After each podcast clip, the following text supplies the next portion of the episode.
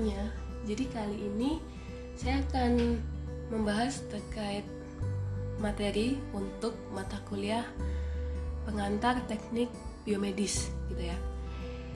Jadi materi kali ini tentang introduction of biomaterials.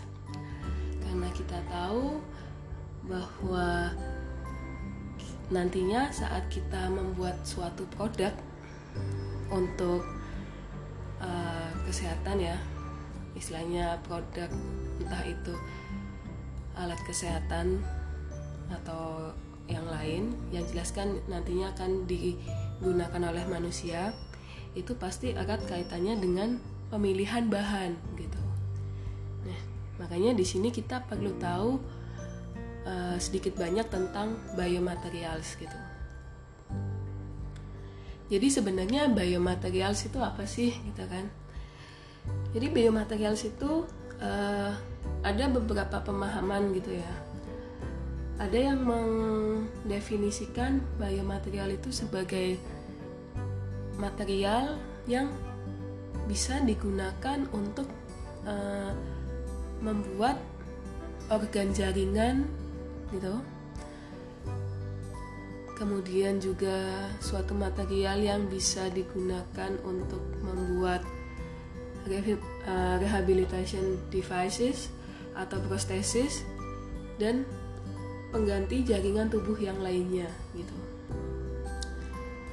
Nah, ada juga yang memaknai bahwa biomaterial itu merupakan mater, uh, suatu material sintetis gitu yang uh, bisa digunakan untuk menggantikan ya untuk replacing suatu bagian pada tubuh kita sehingga uh, fungsinya dapat berjalan sebagaimana mestinya gitu.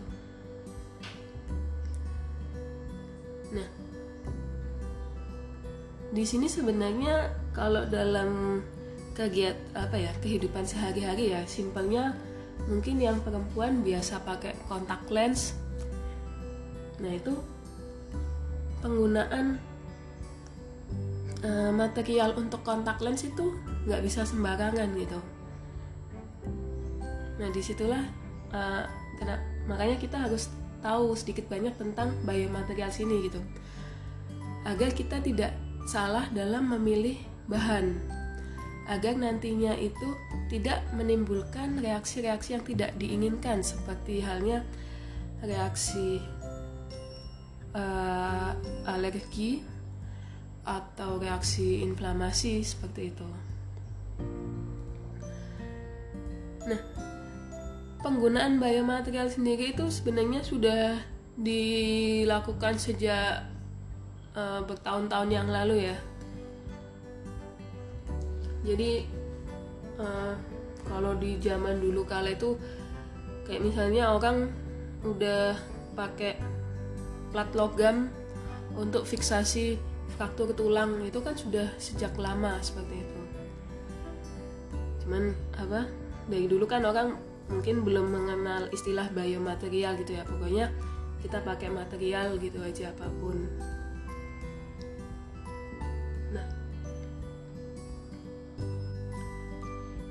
Di sini aplikasi biomaterial sendiri itu luas ya cakupannya. Jadi uh, ada yang bisa digunakan mulai dari ujung kepala sampai ujung rambut, eh ujung kepala sampai ujung kaki gitu. Jadi kalau di sini pertama contohnya aplikasi biomaterial di bidang ortopedik gitu ya. Ortopedik dan dentistry kayak misalnya orang patah tulang kemudian dipasang pen gitu atau hal mudahnya kalau kalian pasang kawat gigi gitu ya itu jangan dipikir kalian bisa pakai sembarang kawat gitu ya terus pakai kawat jemuran atau kawat berduri kalian pakai buat kawat gigi itu nggak kayak gitu. Jadi uh, ada beberapa karakteristik yang harus dipenuhi dalam suatu biomaterial. Nanti akan kita bahas lebih lanjut. Jadi kalau misalnya kalian beli kayak kan banyak tuh kayak di online shop gitu jual apa uh, kawat gigi gitu ya yang warna-warni. Terus kalian sebenarnya nggak perlu pakai kawat gigi dan kalian cuma pingin gaya-gayaan aja. Terus kalian beli gitu. Padahal kalian juga nggak tahu itu materialnya dari apa gitu kan. Jadi sebaiknya kalau memang kalian perlu merasa perlu pakai kawat gigi sebaiknya konsultasi dulu ke dokter gigi gitu ke ahlinya gitu ya. Kemudian ini juga ada uh, kalau di sini ini ada pen tulang ada hip joint replacement gitu kemudian juga gigi palsu pun itu juga materialnya nggak sembarangan gitu jadi ada kriteria-kriteria khusus yang harus dipenuhi dalam uh, dalam biomaterial tersebut gitu ya. Kemudian contoh lain adalah ini ada kardiovaskular apa aplikasi untuk kardiovaskular gitu. Jadi material-material yang biasa digunakan di sistem kardiovaskular di apa di pembuluh darah ataupun jantung. Contohnya kalau di sini ada katup jantung gitu ya. Ada katup jantung, kemudian ada ring jantung atau stand stand jantung gitu ya. Di sini uh, pemilihan materialnya juga berbeda untuk penggunaan yang ortopedi dengan kardiovaskular tadi gitu kan. Kalau dia di ortopedi dia kan pasti dia lebih butuh kekuatan mekanik yang lebih besar dibandingkan dengan aplikasi yang di kardiovaskular gitu. Jadi biasanya kalau yang katup katup jantung itu dia materialnya biasanya pakai uh, ada yang pirolitik karbon gitu ya. Ada beberapa juga pakai logam gitu. Kemudian ada yang pakai polimer juga gitu. nah ini yang saya sebut di awal tadi terkait kontak lens ya. Jadi ini aplikasi ada aplikasi biomaterial di bidang ophthalmology dan neurologi gitu. Dan sebagian besar kalau untuk aplikasi ini sebagian besar menggunakan biopolimer gitu. Kemudian ada juga biosensor dan filtration. Jadi kayak semisal kalian mau buat uh, pompa insulin otomatis gitu ya. Pompa insulin otomatis itu kan berarti dia ada sensor yang ditanamkan ke dalam tubuh sensor yang di dalam di dalam ya uh, maaf. Sensor yang ditanam di dalam tubuh dengan sensor yang hanya ditempel di luar kayak misalnya uh, eh, EKG atau EEG itu pastilah materialnya berbeda seperti itu.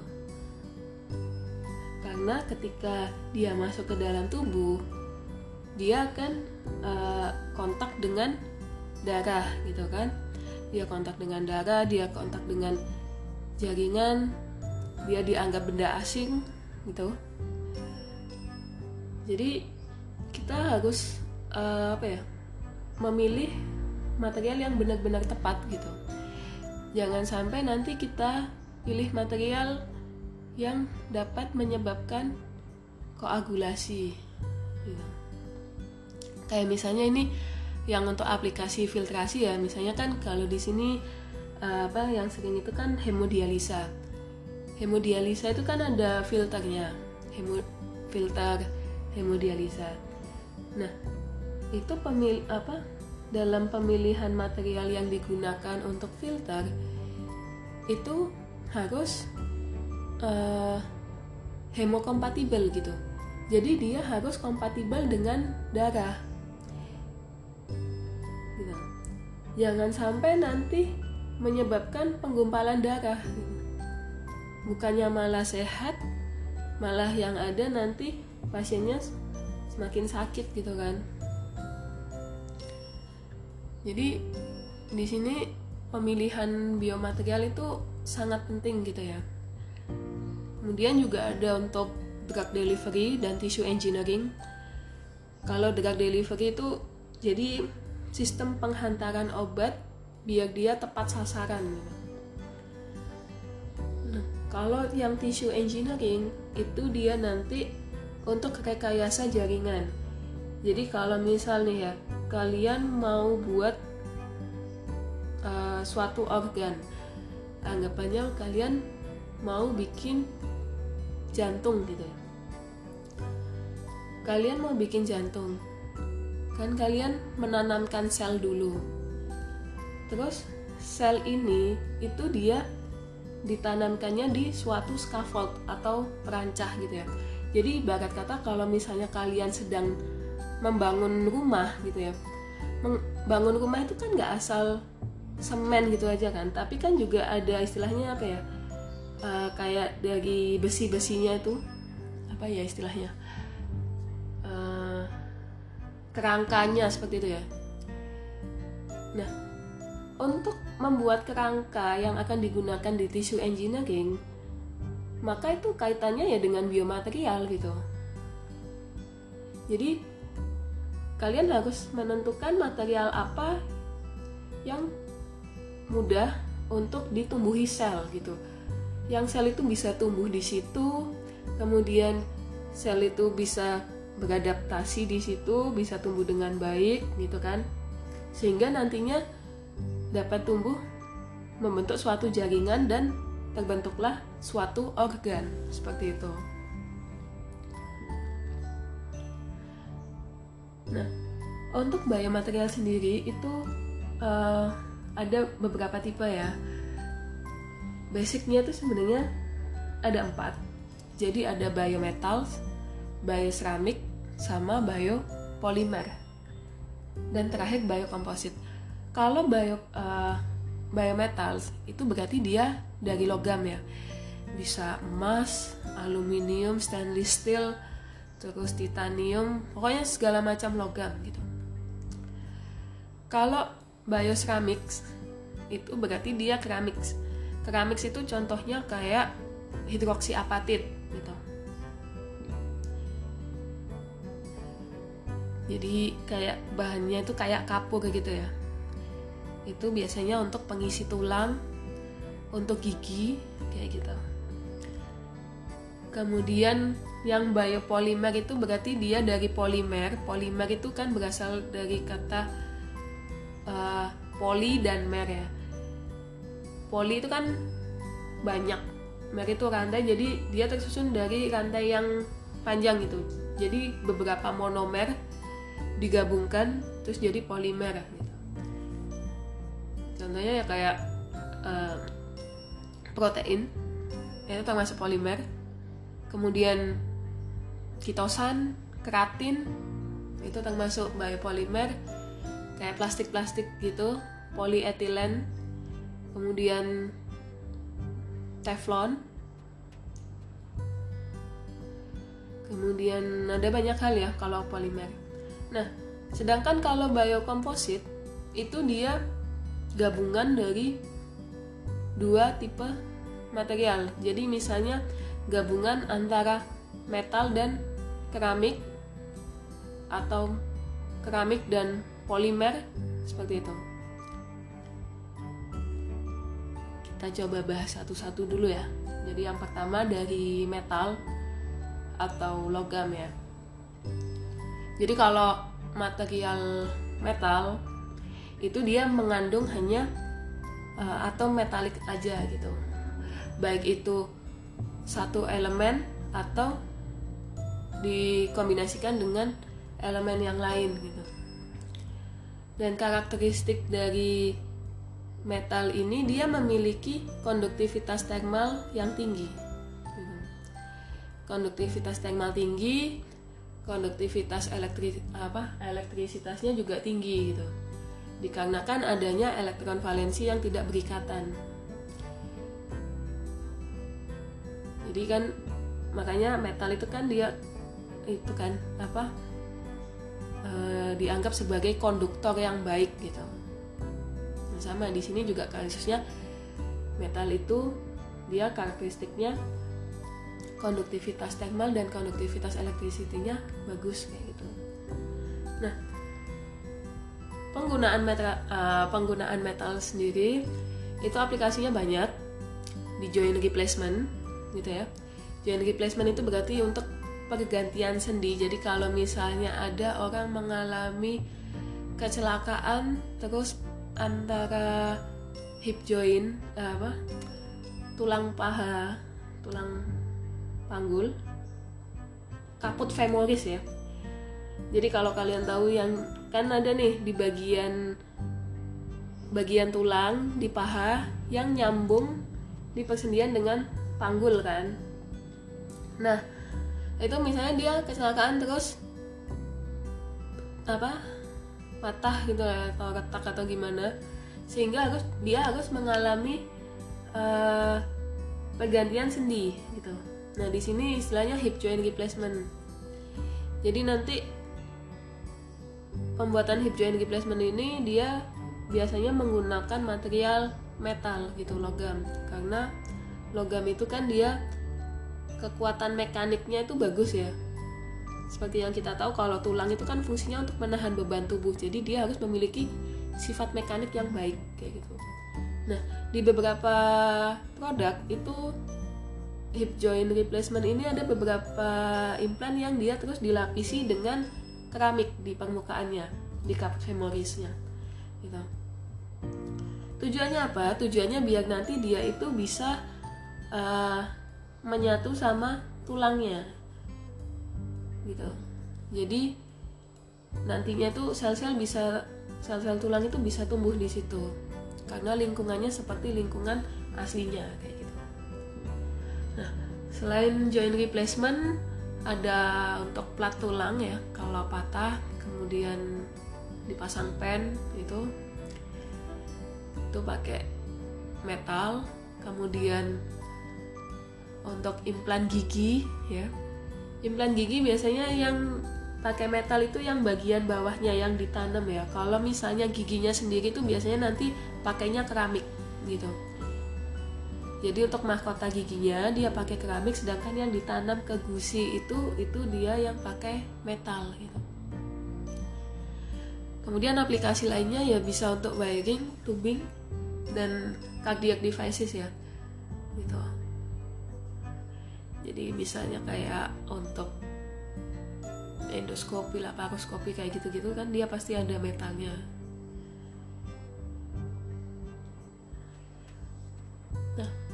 kemudian setelah metal itu ada keramik. Kalau keramik dia itu uh, tersusun dari senyawa inorganik gitu ya. Inorganik yang mengandung elemen metal dan non metal kalau yang biometals tadi kan dia cuman mengandung elemen metal aja. Kalau keramik itu mengandung metal dan non metal gitu.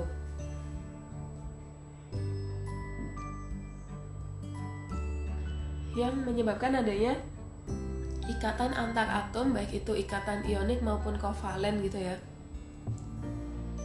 Dan keramik ini ketika kita apa ya mensintesis suatu keramik dia itu butuh suhu tinggi bisa sampai 1000 derajat celcius. Jadi kalau misalnya kalian sintesis HA dari tulang sapi ya HA itu hidroksi apatit itu nanti dipanaskan sampai di atas 800 derajat celcius gitu nah keramik ini dia uh, terkait konduktivitas thermal dan elektrik uh, elektrisitinya dia berkebalikan sama yang metal tadi. Kalau metal tadi dia itu kan merupakan konduktor yang baik gitu ya. Kalau keramik dia itu malah sebagai insulator yang baik gitu. Insulator thermal maupun elektrik elektrikal.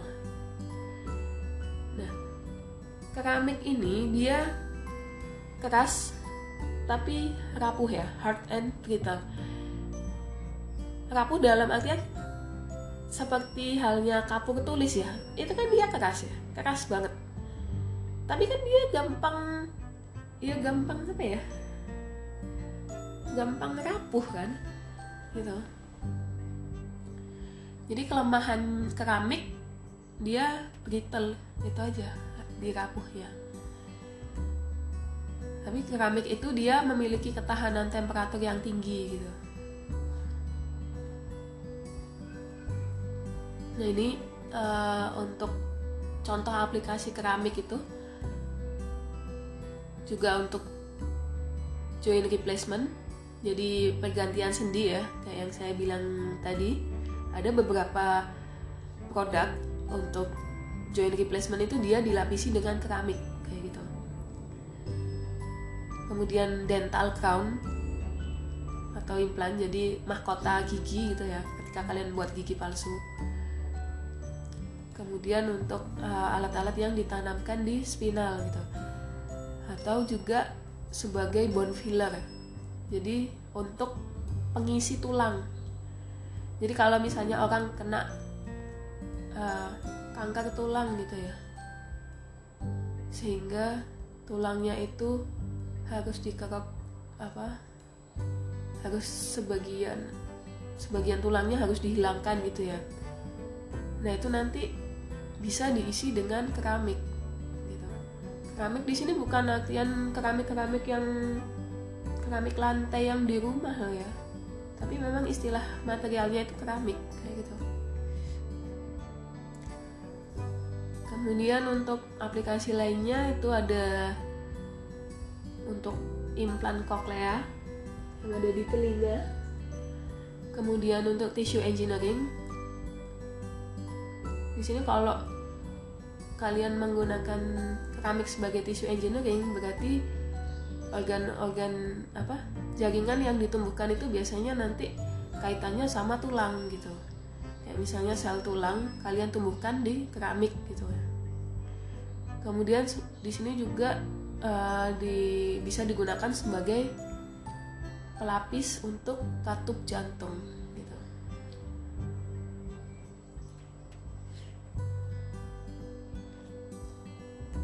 Nah ini kalau kalian lihat di slide 14 ya itu kan ada contohnya dia digunakan sebagai bone graft atau scaffold. Jadi bone graft itu fungsinya untuk pengisi tulang gitu.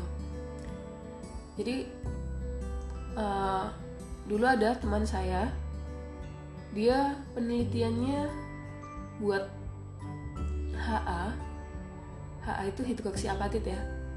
Buat HA dari tulang sotong tulang sotong di sini bukan sotong-sotong yang dijual sama tahu bulat loh ya.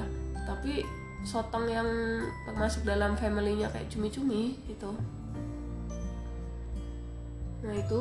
Jadi dia buat uh, dia sintesis HA-nya dia ambil HA-nya dari tulang sotong itu tadi. Kemudian dia tanamkan di tikus gitu. Jadi tikusnya itu uh, di tulang pahanya dibor dulu pakai bor gigi kemudian di materialnya dimasukkan gitu kan materialnya dimasukkan kemudian nanti diamati gitu. jadi nanti apa setelah diamati kita tahu kalau uh, pertumbuhannya itu jadi uh, apa ya sel-sel tulang itu dia bisa masuk ke dalam materialnya itu tadi material HA dan tumbuh di situ jadi tulangnya yang tadinya sudah dilubangi jadinya udah cepet apa lebih cepat daripada nggak dikasih HA seperti itu. Jadi barat kata uh, materialnya itu digunakan sebagai rumah untuk sel tulangnya itu biar bisa tumbuh kayak gitu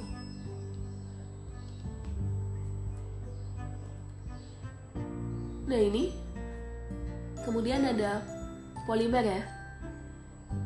Jadi poli itu banyak, mer itu unit atau bagian. Jadi kalau ada istilahnya polimer, ada monomer, ada dimer, ada pentamer, ada apa pun lah itu. Kalau monomer berarti dia terdiri dari satu unit saja, gitu kan? Kalau dimer berarti dia dua unit. Kalau pentamer berarti dia lima unit kayak misalnya imunoglobulin itu kan ada yang bentukannya pentamer. Nah kalau polimer itu dia banyak unit banyak banget gitu.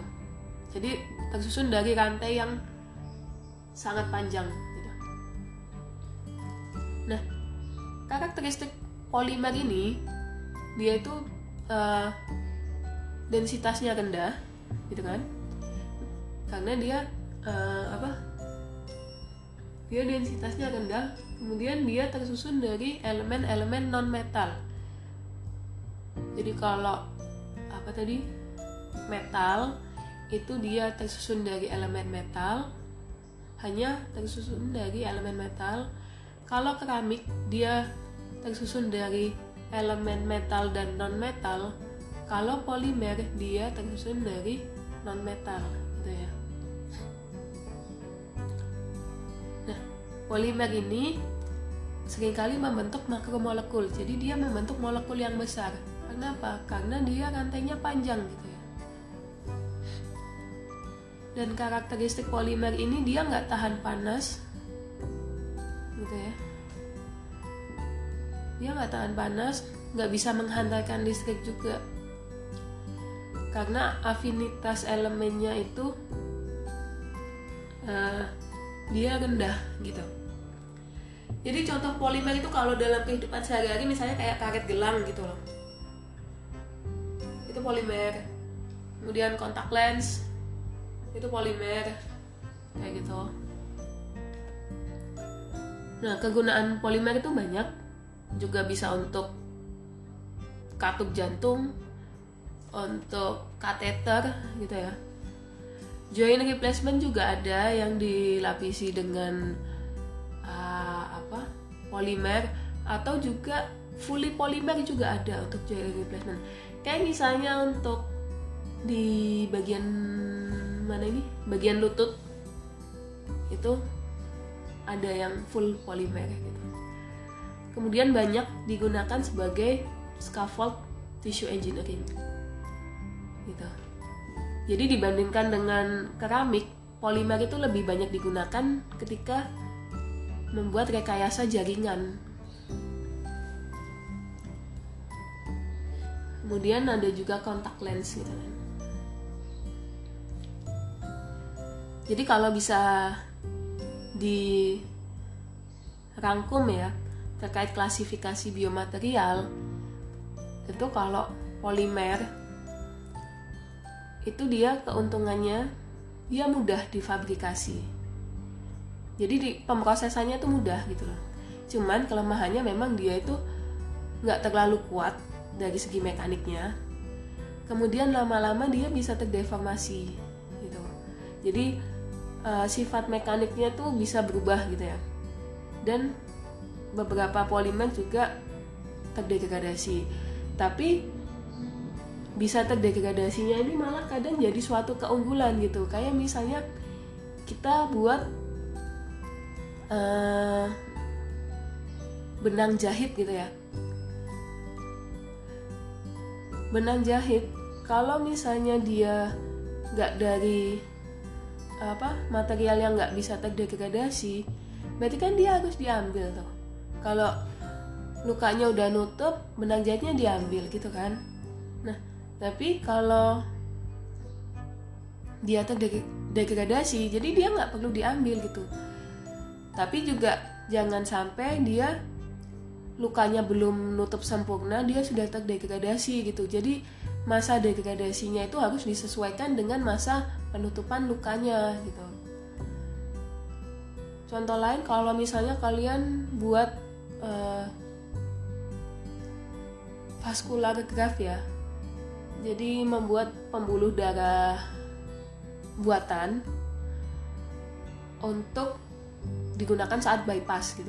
Jadi ketika orang sakit jantung ya orang sakit jantung mengalami apa uh, apa itu namanya? Mengalami buntu ya. Jadi di pembuluh darahnya itu buntu.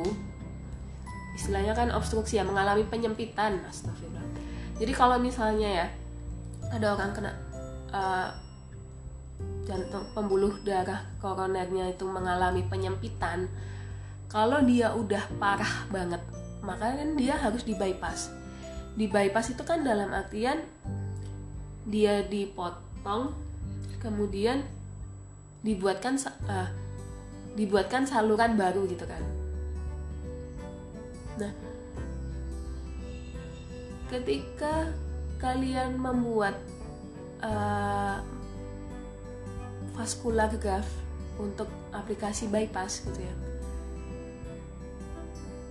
Maka nantinya akan lebih baik kalau dia pakai material yang terdegradasi gitu.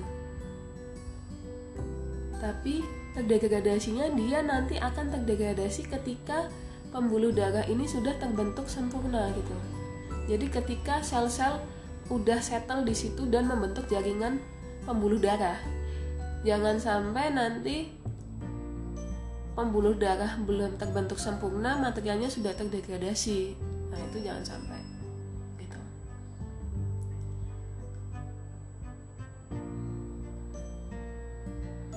Kemudian untuk metal itu dia kuat ya. Dan ulet gitu. Itu keuntungannya. Keuntungan dari metal itu dia kuat dan ulet kelemahannya dia uh, dapat memicu terjadi apa dapat terjadi korosi gitu kan. Kemudian densitasnya tinggi tapi beberapa uh, menganggap densitas tinggi yang dimiliki oleh metal itu sebagai suatu keuntungan gitu ya bukan kerugian. Jadi makanya kita ketika kita memilih kita harus tahu dulu aplikasinya untuk apa gitu baru kita pilih materialnya gitu. Kemudian ada keramik. Keramik itu highly biocompatible inert. Inert itu berarti stabil ya. Kemudian kuat tekannya tinggi gitu. Kelemahannya dia rapuh. Dan ketahanan fatigue-nya itu dia rendah jadi fatigue itu istilahnya kelelahan gitu ya. Jadi suatu material ketika dia diberi pembebanan berulang-ulang maka lama-lama dia akan mengalami fatigue atau kelelahan sebelum akhirnya mengalami kerusakan gitu damage. Ibarat kata kalian punya kawat gitu ya. Terus kalian tekuk di salah satu apa punya kawat panjang terus kalian tekuk berulang kali lama-lama kan dia patah nah itu karena apa karena dia udah mengalami kegagalan gitu sehingga dia tidak bisa mempertahankan dan pada akhirnya terjadi damage gitu Jadi yang terakhir ada komposit. Jadi kalau komposit itu keuntungannya dia kuat ya. Dan bisa dibuat sesuai kebutuhan gitu. Cuman memang proses pembuatannya itu yang agak sedikit rumit gitu. Jadi itu tadi terkait dengan klasifikasi biomaterial ya ada macam-macam biomaterial sedikit karakteristiknya dan aplikasinya nah sekarang syarat untuk dikatakan biomaterial itu apa sih gitu kan jadi syarat utama yang paling utama untuk biomaterial itu adalah biocompatible kalau dia nggak biocompatible maka dia nggak bisa disebut sebagai biomaterial gitu ya. Nah, biocompatible itu apa? Biocompatible itu berarti dia kompatibel dengan tubuh kita gitu ya. Dia cocok, dia sesuai dengan tubuh kita gitu. Pasti akan ada penolakan, tapi penolakan itu sangat minim gitu, diminimalisir gitu. Dan biocompatible itu erat kaitannya dengan karakteristik biologi gitu ya karena apa karena kan kita manusia nih kita kan biological. Nah berarti harus apa? Harus non toxic yang pasti ya. Non toxic itu berarti tidak beracun. Kemudian tidak alergenik. Gitu kan? Meskipun kontak dengan kulit kayak misalnya sensor EEG atau misalnya pun kalian bikin apa ya? Bikin jam tangan gitu ya terus pakai logam logam itu beberapa logam itu ada yang menyebabkan reaksi alergi kayak gitu kemudian tidak trombogenik gitu ya kalau yang tidak trombogenik ini khusus untuk material-material yang nantinya akan kontak dengan darah gitu. dan banyak lagi yang lain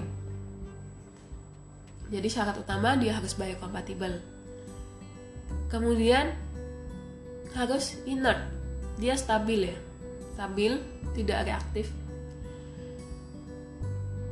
Kemudian memiliki uh, stabilitas mekanik dan kimiawi yang bagus. Kemudian biodegradable. Kalau biodegradable ini saya rasa tergantung peruntukannya ya. Jadi tidak harus semua biomaterialis itu biodegradable. Kemudian uh, processable jadi mudah diproses mudah fabrikasinya. Kemudian non trombogenik tadi kalau misalnya dia kontak dengan darah dan bisa disterilisasi gitu. Jadi syarat syarat utama biomaterial itu yang paling paling paling paling utama itu adalah biocompatible gitu. Udah nah sekarang kalau kita udah uh, kita misalnya udah pilih material gitu ya. Terus kita pengen tahu ini material udah cocok belum sih buat diaplikasikan? maka kita harus melakukan uji. Nah, uji ini uh, banyak macamnya ya, banyak macam uh, dari berbagai aspek gitu ya. Yang paling utama uh, aspek biologisnya, gitu kan? Karena nantinya kan dia akan kontak dengan tubuh nih maka dia harus memiliki biological properties yang baik gitu kan nah yang termasuk biological properties itu apa aja ada sitotoksisitas sensitisasi allergenic hemocompatible terus karsinogenik gitu kan. Jadi ketika kalian uh, punya material gitu ya yang kalian nggak tahu belum tahu nih ini materialnya toksik apa enggak gitu ya. Dari literatur juga mungkin belum ada. Maka kalian harus melakukan uji sitotoksisitas dulu buat tahu ini beracun apa enggak nah uji sitotoksisitas itu juga nggak langsung dilakukan ke manusia gitu kan tapi di sel dulu. Biasanya yang digunakan itu sel sel lain uh, BHK21 baby hamster kidney gitu kan. Itu biasanya pakai apa pakai sel itu. Jadi nanti dihitung sel yang nggak dipapak dengan material kalian dan sel yang dipapak dengan material kalian. Sel yang dipapak dengan material kalian itu nanti dihitung yang mati itu berapa gitu. Nanti dihitung uh, lethal dosisnya. Jadi nanti didapatkan persentase uh, persentase dari sel hidupnya. Jadi nanti bisa menentukan sitotoksisitasnya. Bisa mengatakan materialmu ini toksik atau enggak kayak gitu itu yang pasti harus dilakukan tahap pertama ketika kalian menemukan material yang baru gitu ya kemudian untuk alergenik itu uh, juga harus dilakukan cuman biasanya yang dilakukan itu ketika dia harus kontak lama dengan kulit. Kalau misalnya dia sampai masuk tubuh kontak darah maka yang harus dilakukan hemocompatibility gitu jadi dia harus kompatibel dengan darah gitu jangan sampai mengganggu uh, kesetimbangan dari darah yang ada di dalam tubuh kita gitu. Terus kalau misalnya dia pemakaiannya jangka lama sampai uh, 10 tahun gitu ya. 5, 5 sampai 10 tahun itu harus dicek dia karsinogenik atau enggak gitu. Nah karsinogenik enggaknya itu biasanya diceknya dari uh, ada enggak ion-ion karsinogenik yang terlepas gitu. Jadi kayak misalnya bikin kawat gigi gitu ya dari logam. Kan kita tahu nih di dalam mulut kita itu ada saliva gitu kan. Nah ada saliva terus habis gitu kondisinya juga uh, di beberapa orang itu ada yang asam gitu kan. Itu kan bisa menyebabkan korosi untuk material kawat giginya. Terus kan lama-lama kalau udah korosi ada ion-ion yang terlepas gitu kan ion-ion terlepas dari kawat gigi terus masuk ke dalam tubuh kita masuk ke dalam peredaran darah. Terus lama-lama memicu terjadinya cancer gitu kan. Jadi uh, itu uji-uji yang terkait dengan aspek biologis yang harus dilakukan. Ada sitotoksisitas ada hemokompatibilitas alergenik karsinogenik itu. Cuman kalau untuk uh, hemokompatibilitas itu tidak semua material harus melewati uji itu ya. Jadi hanya material yang akan digunakan uh, hanya material yang akan kontak dengan darah saja yang harus dilakukan uji hemokompatibilitas. Gitu ya. Sedangkan untuk karsinogenik itu untuk material yang pemakaiannya jangka panjang. Seperti itu. Nah kemudian dari segi mekanik gitu ya mekanik berarti kita harus tahu tensile strength-nya berapa kompresif strength-nya berapa.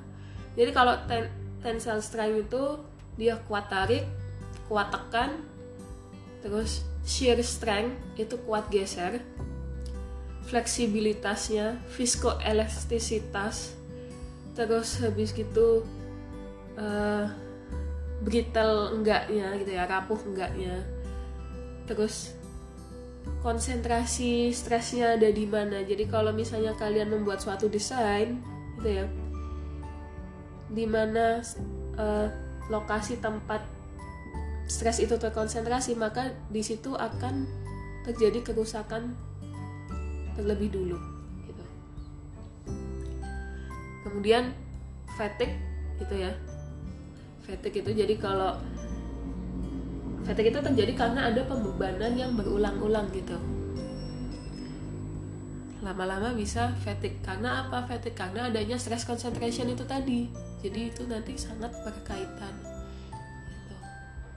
kemudian electrochemical properties kalau misalnya material yang kalian pakai adalah metal gitu ya. Dan surface properties. Surface properties itu terkait dengan contact angle dan hardness kalau contact angle berarti dia itu uh, tujuannya untuk menentukan sifat material kalian itu hidrofobik atau hidrofilik kayak gitu. Jadi hidrofobik atau hidrofilik. Hidrofobik itu berarti dia tidak disukai hidro hidrofobik hidrofilik kan fobia. Nah tujuannya apa? Tahu sifat hidrofobik hidrofiliknya itu nanti untuk menentukan uh, kalau misalnya nanti materialnya kontak dengan darah itu nanti bisa untuk menentukan hemokompatibilitasnya.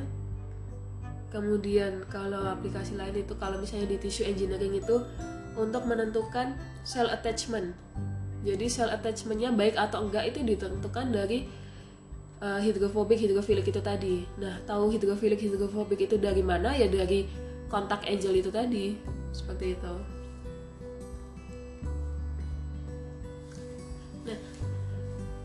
Ketika kalian membuat suatu produk gitu ya maka ada baiknya kalian melakukan uji dulu. Uh, maksudnya sebelum diaplikasikan itu kita melakukan uji dulu. Nah uji ini ada istilahnya in silico in vitro in vivo gitu kan? In silico itu berarti kita uh, berdasarkan dengan pemodelan komputer atau menggunakan simulasi. Tujuannya apa? Kita harus melakukan in silico dulu. Jadi ibaratnya itu in silico itu kayak pra penelitian gitu ya. Biar kalian tahu rancangan penelitian kalian ini kira-kira udah benar apa enggak gitu kan. Sesuai teori udah benar atau enggak gitu kan. Tujuannya apa? Tujuannya untuk uh, meminimalisir apa ya kegagalan yang terjadi. Jadi kita simulasikan dulu gitu. Kalau bentuk simulasinya sudah ideal sudah pas baru kita lakukan eksperimen di laboratorium gitu. Kita buat bentukan aslinya. Gitu. Jadi kalian ibarat kata nggak nggak buang uang banyak juga gitu. Nggak buang uang nggak buang energi nggak buang waktu. Karena kalian sudah coba dulu di in silico gitu. Nah setelah udah kalian coba di lab sudah jadi produknya baru dicobakan kan. Misalnya kalian buatnya kan misalnya ya misal kita bikin stand jantung stand jantung dari polimer gitu ya. Kita mau coba bikin stand jantung dari polimer. Nah yang di insilik uh, yang diuji apa ya? Yang dilakukan dengan in silico itu apa yang bisa dilakukan dengan in silico itu kalian bisa uh, memodelkannya dulu. Jadi buat desainnya dulu desain stand yang kalian inginkan itu seperti apa. Terus kalian coba. Kalian coba kalau misalnya saya masukkan data material A kemudian saya beri tekanan sekian dia gagal nggak? Gitu. Kalau saya beri apa material B dengan perlakuan yang sama dia gagal nggak? Gitu kan. Atau misalnya kalian dengan satu material dan satu kondisi tapi kalian punya beberapa desain gitu ya. Punya beberapa desain stand. Nah kalian mau tahu ini uh, desain optimal ini desain yang paling baik itu yang mana? Sebelum kalian buat kalian coba simulasikan dulu. Standnya ini disimulasikan pakai suatu software ya disimulasikan secara mekaniknya dulu. Kira-kira desain mana yang paling oke okay, gitu. Nah kalau udah dapet desain mana yang paling oke okay, itu baru kita buat. Kita buat buat dalam arti sesungguhnya ya. Kemudian baru kita uji cobakan ke in vitro. Kita cobakan di sel. Atau misalnya kalau misalnya material yang dipakai udah banyak apa udah material-material yang umum yang udah pasti ketahuan itu nggak toksik bisa langsung in vivo gitu kan? Jadi uh, kalau in vitro dia itu kan tes yang uh, apa pengujian dengan menggunakan uh, sel gitu ya. Itu in vitro gitu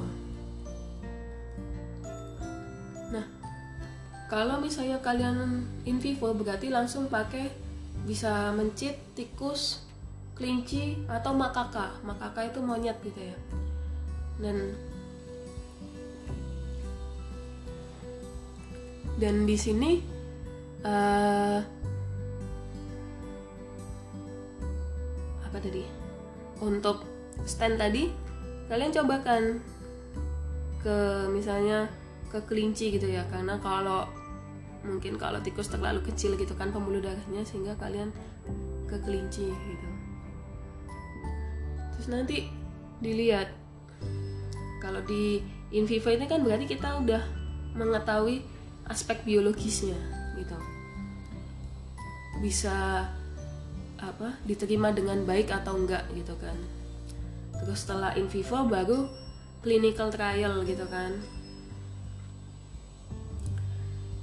clinical trial jadi kalau clinical trial itu dia udah bisa dibilang udah diuji cobakan ke manusia gitu kan Nah, di sini di slide 28 itu ada uh, biocompatibility safety testing ya berdasarkan ISO dan FDA. Jadi uji-uji yang dilakukan itu tergantung dari kontak yang dilakukan antara material dengan tubuh kita. Gitu. Nah, kemudian ada uji mekanik gitu ya. Uji mekanik untuk mengetahui kuat tarik, kuat tekan, kuat geser, torsi, bending, fatigue itu tadi ya. Nah, di sini uh, kalau untuk tensile test uji tarik ya dia itu tujuannya untuk mengetahui elastisitas suatu material gitu. Jadi ada grafik antara stress dan strain kemudian grafik antara stress dan strain itu nanti ada daerah linier. Nah, dari daerah linier itu nanti itu bisa kita tentukan elastisitas suatu bahan gitu. Dan masing-masing material itu memiliki grafik yang berbeda-beda karena memang karakteristiknya yang berbeda.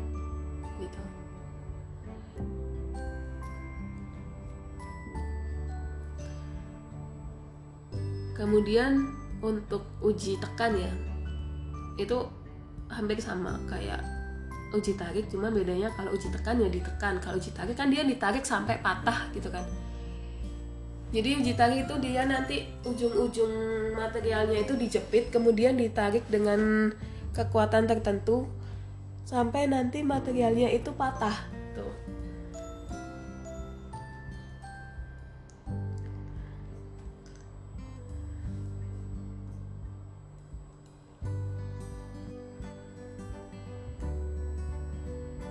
Selanjutnya kita bahas terkait biomaterial processing ya.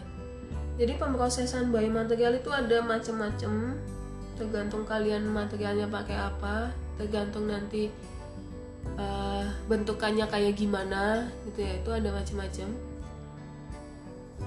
Ada solvent casting, ada phase inversion, fiber bonding, kemudian ada melt based technology, high pressure based freeze drying, dan rapid prototyping. Kalau solvent casting itu ibarat kata kayak kita bikin puding, bikin agar-agar gitu ya, bikin jelly gitu ya. Jadi bahan-bahan kita campur, kemudian kita tuang di cetakan, udah selesai jadi. Gitu. Itu kalau solvent casting. Bahasa mudahnya seperti itu, pemahamannya seperti itu. Kalau phase inversion dia ada pemisahan fase gitu. Jadi hampir sama kayak tadi, cuman ada proses tambahan untuk memisahkan fase. Untuk menghilangkan uh, material yang tidak diinginkan seperti itu. Nah, kalau fiber bonding itu contohnya kalau kalian bikin nanofiber. Jadi nanofiber itu kan serat berukuran nano. Nah gimana bikin serat berukuran nano? Pakainya elektrospinning. Jadi kalau elektrospinning itu itu kayak kalian tahu spet spet yang buat suntikan itu kayak gitu sirin itu ya Nah, itu nanti di jarumnya itu dihubungkan dengan tegangan tinggi. Kemudian nanti uh, larutannya, larutan yang ada di spetnya itu ditembakkan ke papan. Papannya nanti uh, dihubungkan dengan ground gitu. Nah, uh, karena dia pakai tegangan tinggi gitu kan, jadi nanti material yang keluar dari spet itu akan langsung ketarik di plat ground itu tadi gitu. Dan karena tegangan tinggi jadi kan cepat banget tuh. Jadi nanti bentukannya kayak serabut-serabut serabut-serabut kayak permen kapas gitu. Cuman ukurannya nano ya kayak gitu kemudian ada melt molding. Jadi pakai lelehan gitu ya. Kemudian extrusion dan injection. Jadi cairannya itu diinjeksikan gitu ya ke dalam cetakan kemudian kayak dipres baru nanti cetakannya dilepas. Kalau freeze dried berarti dia beku kering. Dia dibekukan biasanya pakai minus 80 kemudian dikeringkan di vakum pakai iofilizer. Kayak gitu. Nah kalau rapid prototyping itu nanti dia pakai bantuan komputer. Contohnya kayak 3D printing itu masuknya pakai rapid prototyping gitu. Sekian dulu ya penjelasan terkait biomaterial kali ini. Semoga kalian bisa paham. Terima kasih. Sehat-sehat selalu ya.